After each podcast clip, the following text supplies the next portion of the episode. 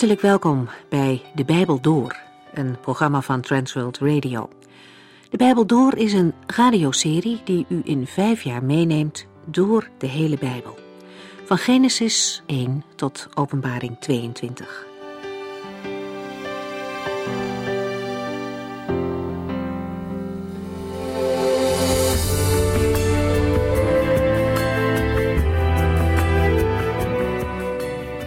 In deze uitzending lezen we verder in twee kronieken.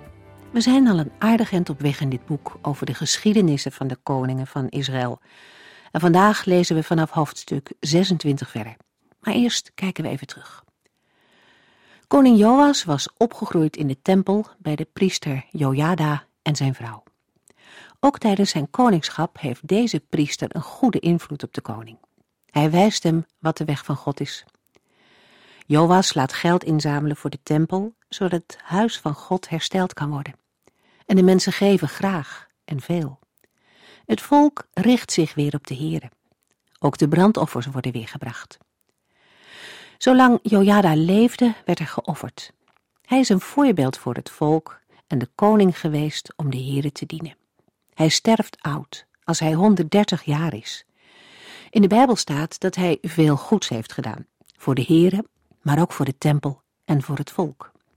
Wat is dat mooi, als zoiets aan het eind van je leven gezegd kan worden.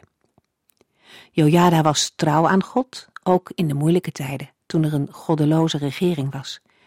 Zijn invloed op koning Joas was groot, want na zijn dood verandert de koning. Hij laat zich dan niet langer leiden door de heren, maar de hooggeplaatste door oversten die hem andere wegen adviseren. De Heere God stuurt profeten met de oproep om naar hem terug te keren. Maar de koning die zo goed begonnen was, wil niet luisteren. Hij gaat zelfs zo ver dat hij de zoon van Jojada, een trouwe gelovige, laat doden in het voorhof van Gods huis. De Heere laat dan uiteindelijk het leger van Aram komen. Hoewel het een klein leger is, is hun overwinning op Juda groot.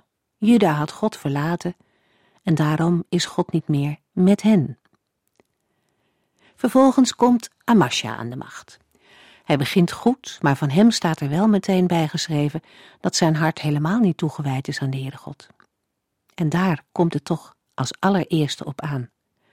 Hoewel hij begint met gehoorzaamheid aan God, gaat hij na verloop van tijd gewoon zijn eigen gang. Hij gaat niet meer bij God te raden. En die les, die mogen we nog steeds meenemen. De koningen die in hun beslissingen God om raad vroegen, en daar ook naar luisterden, werden gezegend. Dan ging het goed met het land en daarmee dus ook met het volk. God wil nog steeds leiding geven en mensen die naar hem luisteren zegenen.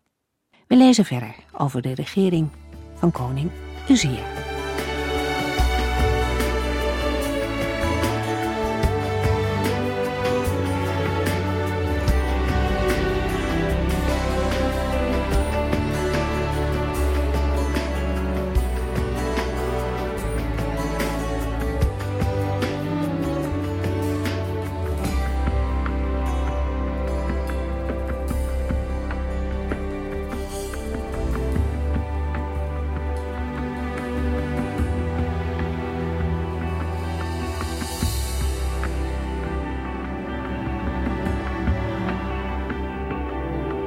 Vorige uitzending lazen we in de eerste twee versen van 2 Kronieken 26 een naschrift bij de regering van Amasja.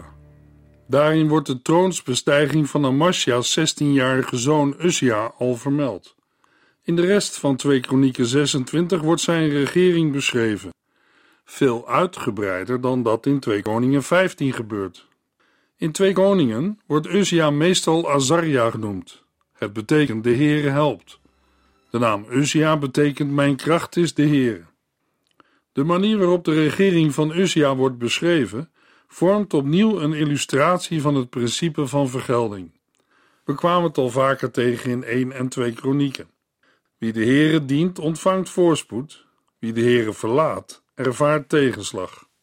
De tekst van vers 3 en 4 komt vrijwel overeen met die van 2 Koningen 15.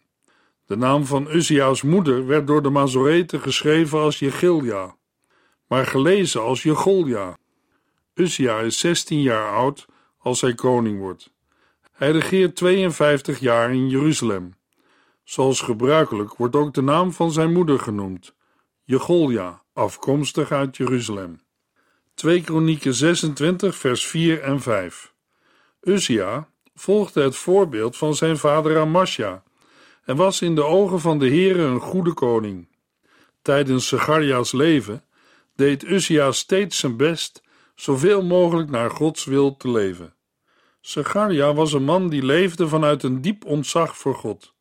En zolang de koning deed wat God van hem verlangde, ging alles voorspoedig, want God zegende hem. De tijdsaanduiding tijdens Zecharia's leven houdt in dat Uzia niet heel zijn leven trouw zal blijven aan de Here en wijst vooruit naar vers 16. Wie Zecharia was, is onbekend. Op grond van de tekst van de Masoreet is wel geopperd dat hij een verder onbekende profeet zou zijn. Anderen menen dat hij de in Jesaja 8 vers 2 genoemde priester is. Maar beide voorstellen zijn speculatief. Ook is niet bekend hoe lang Segaria nog heeft geleefd na de troonsbestijging van Uzia. 2 Kronieken 26 vers 6 Hij verklaarde de Filistijnen de oorlog en maakte de muren van de stad Gat met de grond gelijk.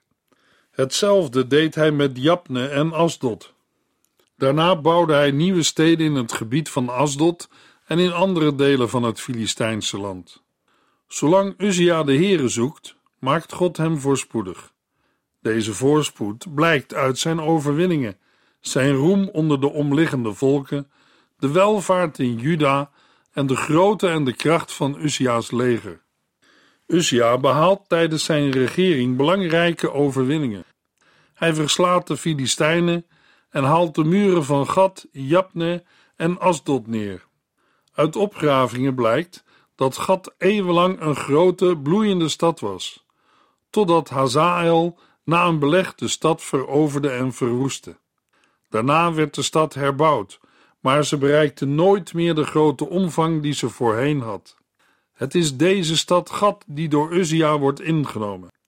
Japne is vermoedelijk het in Jozua 15 vers 11 genoemde Japneel. Asdod was een belangrijke Filistijnse havenstad, omgeven met sterke stadsmuren. Vanuit Asdod en Askelon dreven de Filistijnen handel met Fenicië en Egypte. Uit opgravingen bij Asdod blijkt dat een deel van de stad rond 760 voor Christus is verwoest. We zullen deze verwoestingen aan Uzia moeten toeschrijven. Bij de zinsnede en maakte de muren van de stad gat met de grond gelijk, zullen we niet zozeer aan een volledig tot de grond toe afbreken van de stadsmuur moeten denken, maar eerder aan het slaan van bressen, zoals verwoord in 2 Kronieken 25 vers 23. Vervolgens bouwt Uzia zelf versterkingen bij Asdod in het gebied van de Filistijnen. Uzia's activiteiten onderstrepen het strategische en economische belang van Asdod en omgeving. Vanwege de controle over de haven van Asdod en over de Via Maris, de kustweg van Egypte naar Fenicië, een van de belangrijkste handelsroutes in het oude nabije oosten. De versen 7 en 8 laten zien dat de Heere Uzia helpt. Niet alleen in de strijd tegen de Filistijnen, maar ook tegen de Arabieren, die in Geurbaal wonen, en tegen de Meunieten, die rond de Dode Zee wonen. Bovendien zijn de Ammonieten schatplichtig aan Uzia. Uzia's roem verbreidt zich zelfs tot in Egypte, want hij is een machtige koning. 2 Kronieken 26, vers 8 tot en met 10. De Ammonieten betaalden hem jaarlijks belasting en zijn roem bereikte zelfs Egypte, zo machtig was hij.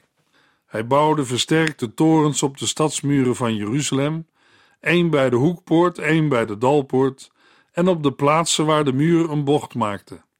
Tevens bouwde hij torens in de Negev en sloeg waterputten voor de grote kudde vee die hij in de dalen en op de vlakten hield. Hij was een man met een voorliefde voor de landbouw en bezat heel wat boerderijen en wijngaarden, zowel op de berghellingen als in de vruchtbare vlakten. Uzia's voorspoed blijkt ook in Juda zelf. Hij bouwt in Jeruzalem torens bij de verschillende poorten en versterkt deze. zodat de inwoners veilig kunnen wonen. Voor een deel zullen de bouwactiviteiten herstelwerkzaamheden zijn geweest vanwege de verwoestingen die Joas had aangericht in de veldtocht tegen Amasja. Het herstel en verstevigen van de hoekpoort is mogelijk ook nodig vanwege de zware aardbeving die tijdens Uzzia's regering plaatsvond. Ook voor zijn onderdanen buiten de stad zorgt hij goed. In de woestijn bouwt hij torens en laat hij putten graven om het vele vee dat hij bezit te drenken. In de Shefela, de laagvlakte of dalen, en de vlakte laat hij landbouwers werken en op de vruchtbare berghellingen wijnbouwers, want Uzia houdt van de landbouw. 2 Kronieken 26 vers 11 tot en met 15 Verder beschikte Uzia over een sterk leger, dat was verdeeld in afdelingen, waarvan de grootte was bepaald door de legersecretaris Jehiel en zijn assistente Maasea. Het geheel stond onder toezicht van Ganania, een van de hoofdbestuurders van de koning. De familiehoofden, 2600 in totaal, voerden het bevel over de moedige mannen in deze afdelingen. Het leger bestond uit 307.500 manschappen, allemaal getraind om voor de koning te vechten in tijd van oorlog. Uzia rustte hen uit met schilden, speren, helmen, harnassen, bogen en slingers. Tevens liet hij in Jeruzalem vernuftige oorlogsmachines maken. Deze waren ontworpen door vindingrijke werklieden en werden gebruikt voor het afschieten van pijlen en zware stenen vanaf de torens. Op die manier werd hij beroemd, want de Heere hielp hem op wonderbaarlijke wijze bij de opbouw van zijn macht. In de versen 11 tot en met 15 vinden we een uitgebreide beschrijving van Uzia's leger. De kracht en de volle bewapening daarvan getuigen opnieuw van de voorspoed die de Heere Uzia schenkt. De eenheden van Uzia's leger worden gemonsterd door de schrijver Jehiel en de opzichter Maasea, die op hun beurt weer ondergeschikt zijn aan Ganania, een van de hoofdbestuurders van de koning. Het leger telt maar liefst 2600 officieren en heeft een omvang van 307.500 strijders, die de koning bijstaan tegen de vijand. De formulering wekt de indruk van een enorm leger, maar bij nader inzien is het nauwelijks groter dan onder Amasja en beduidend kleiner dan onder Asa en Jozefat. De hoge aantallen roepen archeologisch gezien problemen op, omdat een leger van meer dan 300.000 man een bevolking van minstens 1,2 miljoen mensen impliceert, wat een voor die tijd onmogelijk hoge bevolkingsdichtheid is. Hoe het ook zij, de getallen staan wel in verhouding met de andere getallen die in kronieken genoemd worden. Uzia voorziet heel het leger van een uitgebreide wapenrusting. Schilden, speren, helmen, harnassen, bogen en slingers. Vanwege de hoge kosten die hiermee zijn gemoeid, wijst dit opnieuw op de welvaart tijdens het bewind van Uzia. Ook laat Uzia in Jeruzalem vernuftige oorlogsmachines maken ten behoeve van de boogschutters en de stenenslingeraars, voor het geval dat een vijand de stad zou naderen. Er is discussie onder uitleggers of het hier gaat om oorlogsmachines waarmee pijlen en stenen afgeschoten kunnen worden, een soort katapulten, of dat het gaat om schermen om de strijders op de muur te beschermen tegen pijlen en stenen die door belegeraars werden afgeschoten. Vele uitleggers geven de voorkeur aan de tweede mogelijkheid, omdat er geen archeologisch bewijs is dat katapulten en dergelijke al voor 400 voor Christus gebruikt werden in de oorlogvoering. Het gebruik van verdedigingsschermen is afgebeeld op Assyrische muurschilderingen in het paleis van Sanherib. Het beleg van Lachis in de tijd van Hiskia. 2 Kronieken 26 vers 16 Maar toen hij zo'n grote macht had opgebouwd, werd hij hoogmoedig en dat veroorzaakte zijn ondergang. Hij zondigde tegen de Heere zijn God door het voor hem verboden heiligdom van de tempel binnen te gaan en daar zelf reukwerk op het altaar te verbranden. De wet van de Heere sluit een vereniging van koningschap en priesterschap in één persoon echter uit. In Deuteronomium 18 vers 20 staat: Het regelmatig lezen in Gods wetten zal ervoor zorgen dat de koning zich niet boven zijn onderdanen gaat verheffen. Ook zal het hem ervan weerhouden af te dwalen van Gods wetten. 2 Kronieken 26, vers 17 tot en met 21. Onmiddellijk ging de hoge priester Azarja hem achterna met tachtig andere moedige priesters en verzocht hem weg te gaan. Koning Uzia, het is u niet toegestaan reukwerk te verbranden, verklaarde zij. Dat is het werk van de priesters, de zonen van Aaron, die voor dat werk zijn geheiligd. Ga hier weg, want u bent in overtreding, en deze daad zal de Heer u niet in dank afnemen. Uzia, die het reukwerkvat vasthield om reukwerk te verbranden, werd razend. Maar toen verscheen plotseling melaatsheid op zijn voorhoofd. Toen Azarja en de anderen dat zagen, brachten ze hem snel naar buiten. Hij stribbelde niet meer tegen, want hij was zelf veel te erg geschrokken door deze straf van de heren. Koning Uzia bleef tot zijn dood melaats en leefde in afzondering, totaal geïsoleerd van zijn volk en van de tempel. Zijn zoon Jotam werd regent en regelde alle koninklijke aangelegenheden en het bestuur van het land. Niet meer in staat te regeren, benoemt Uzia zijn zoon Jotam tot mederegent. In de versen 22 en 23 lezen we dat de rest van de geschiedenis van Uzia is beschreven door Jezaja, de zoon van Amos. Na Uzia's dood begraaft men hem niet op de koninklijke begraafplaats bij de koningsgraven, maar in een veld ernaast, vanwege zijn melaatsheid. Uzia wordt opgevolgd door zijn zoon Jotam. In Jesaja 6 vers 1 lezen we dat Jesaja zijn bediening begon bij de dood van Uzia. Voor Uzia zal zijn overlijden een verlossing zijn geweest. Iemand die melaats was, leefde afgezonderd van de gemeenschap. Uzia mag ook de tempel niet meer binnengaan, zoals het gewone volk dat wel mocht. Uzia is een van de grootste koningen die het tweestammenrijk heeft gekend. Maar 2 Kronieken 26 benadrukt ook dat de welvaart en macht van zijn koningschap niet te danken zijn aan Uzia's eigen verdiensten, maar uitsluitend aan de zegen van de Heer. Als Uzia dit uit het oog verliest en door hoogmoed gedreven in zonde valt, blijkt de waarheid van de woorden uit het lied van Hanna. Sommigen geeft hij armoede, andere rijkdom. De een vernedert hij, de ander wordt verhoogd. 1 Samuel 2 vers 7. In de bredere context van 2 Kronieken lijkt de tragische ommekeer in het leven van Uzia representatief voor wat het volk te wachten staat. Nu is er nog sprake van welvaart en vrede. Maar het volk dat de Heere verlaten heeft, zal weldra getroffen worden door oorlog, verwoesting en ballingschap. De zonde van Uzia is een ernstig vergrijp en vertoont daarmee parallellen met de zonde van Nadab en Abihu en die van Datan en Abiram. In alle drie de gevallen toont de Heere dat hij een heilig God is, die niet met zich laat spotten. Deze geschiedenissen zijn ook een waarschuwing voor ons. Wij moeten niet lichtvaardig omgaan met de heiligheid van God. 2 Kronieken 27 vers 1 en 2 Jotam was 25 jaar toen hij koning werd en regeerde 16 jaar vanuit Jeruzalem. Zijn moeder heette Jerusa en was een dochter van Sadok. Hij volgde het, over het algemeen, goede voorbeeld van zijn vader Uzia, maar paste ervoor op zomaar de tempel binnen te gaan. Desondanks gingen zijn onderdanen door met hun kwade praktijken. Jotams regering wordt in de versen 1 en 2 met een aantal vaste formuleringen geïntroduceerd.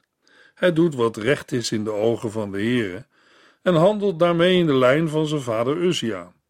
Met dat verschil dat hij niet de tempel binnengaat, zoals Uzia dat gedaan had. Ook in 2 Koningen 15 wordt Jotan vergeleken met zijn vader Uzia. Maar waar in 2 Koningen het positieve beeld was getemperd, wordt hier door de vermelding dat zijn onderdanen doorgaan met hun kwade praktijken, het positieve beeld juist versterkt, doordat er ook een contrast is met Uzia. Jotam valt niet in de zonde van Uzia, die onrechtmatig de tempel binnenging. Deze vermelding staat niet in het parallelvers, wat in overeenstemming is met het algemene stilzwijgen van twee koningen over deze gebeurtenis. Maar er is een groot verschil tussen de koning en het volk. Desondanks gingen zij onderdanen door met hun kwade praktijken. 2 Kronieken 27 vers 3 en 4 Hij herbouwde de bovenpoort van de tempel en liet grootscheepse herstelwerkzaamheden uitvoeren aan de muur van Ovel. Tevens bouwde hij enkele steden in het heuvelland van Juda en forten en torens in de bosgebieden. In Jeruzalem bouwt Jotam de bovenpoort van de tempel. Ook in 2 Kronieken 23 is sprake van de bovenpoort. Maar dan wordt er een poort van het paleis mee aangeduid. In 2 Kronieken 27 gaat het om een poort van de tempel. Het kan om twee verschillende poorten gaan, maar het kan ook om dezelfde poort gaan. Een poort die dan de tempel en het paleis met elkaar verbindt. Flavius Josephus vermeldt dat Jotam de zuilengangen in de tempel en de voorportalen bouwde. De Ofel, wat zwelling betekent, is een deel van de oostelijke heuvel van Jeruzalem, in de buurt van waar vermoedelijk het koninklijk paleis lag. Ook buiten Jeruzalem versterkt Jotam de verdediging van zijn koninkrijk. Door versterkingen aan te leggen in het Judese bergland en torens en burchten te bouwen in de bosgebieden. 2 Kronieken 27 vers 5 tot en met 9 Ook voerde hij oorlog tegen de Ammonieten. Deze verliep gunstig en de drie volgende jaren ontving hij van hen een jaarlijkse belasting van 3000 kilo zilver 220.000 liter tarwe en 220.000 liter gerst. Koning Jotam werd machtig doordat hij zorgvuldig het pad volgde dat de Heere zijn God hem wees. Hij was 25 jaar toen hij koning werd en regeerde 16 jaar vanuit Jeruzalem. Na zijn dood werd hij in Jeruzalem begraven, zijn zoon Agas volgde hem op. Dat Jotams regering zo krachtig is, kent een duidelijke oorzaak. Hij is standvastig in zijn wandel voor het aangezicht van de Heere zijn God.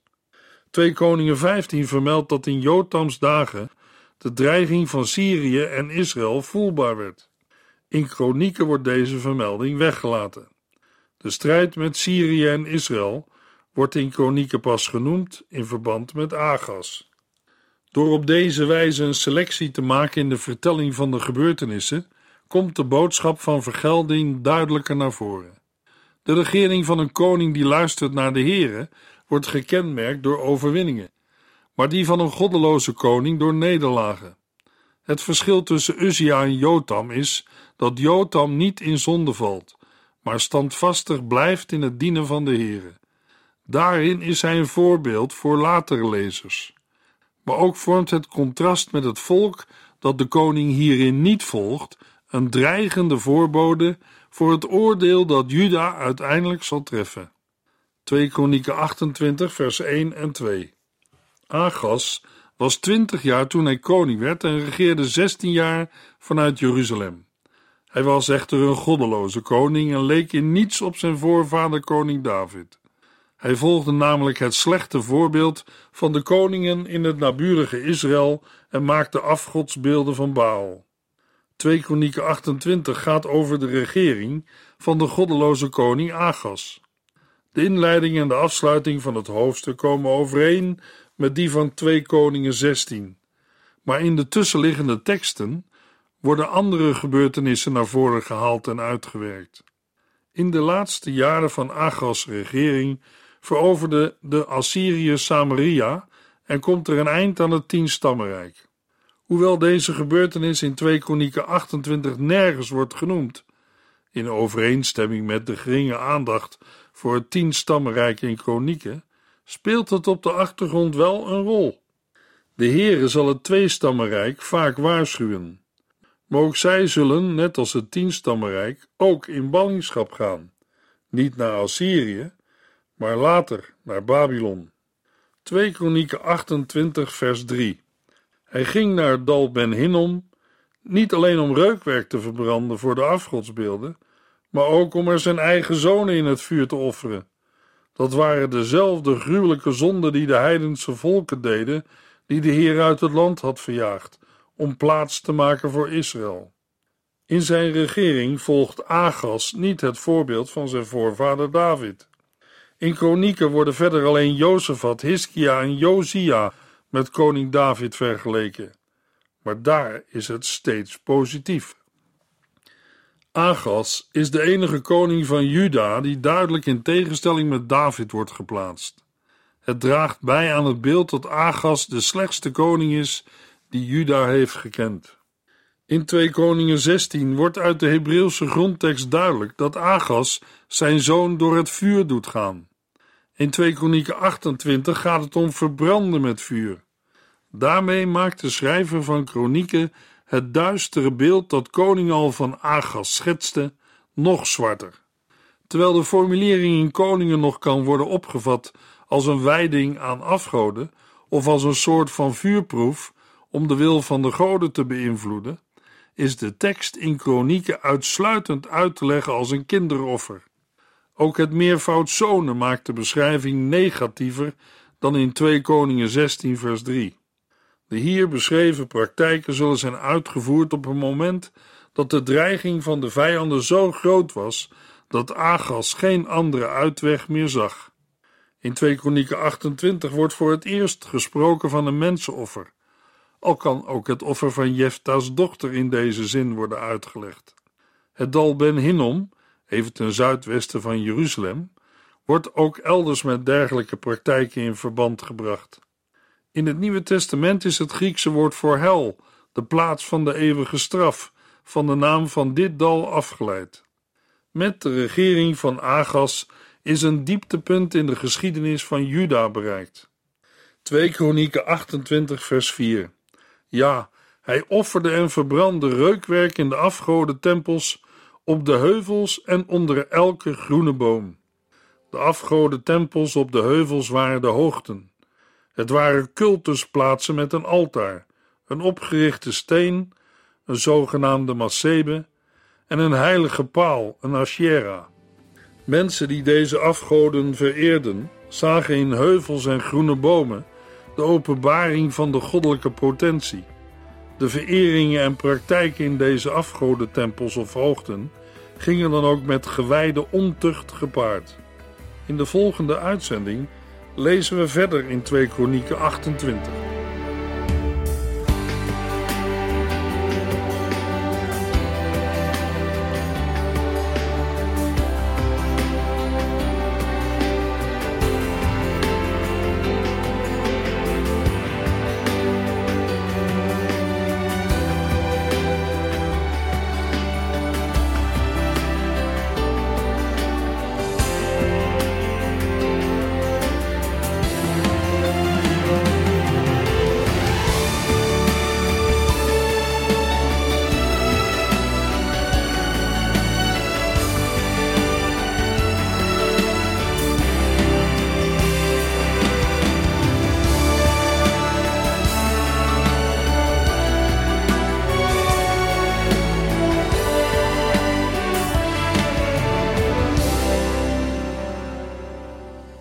Geluisterd naar De Bijbel Door.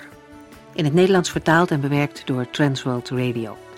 Een programma waarin we in vijf jaar tijd de hele Bijbel doorgaan. Als u wilt reageren op deze uitzending of u heeft vragen, dan kunt u contact met ons opnemen. Tijdens kantooruren kunt u bellen op 0342 47 8432. 0342 47 8432. 32. Ook kunt u een e-mail sturen naar de Bijbel door transworldradio.nl en natuurlijk kunt u ook via de post ons bereiken. TWR, postbus 371, postcode 3770, AJ in Barneveld. Dit programma werd gepresenteerd door Cor Weda en Ike André. Techniek was in handen van Odin van Woerdekom. En wij allemaal bedanken u voor het luisteren. Graag tot de volgende keer.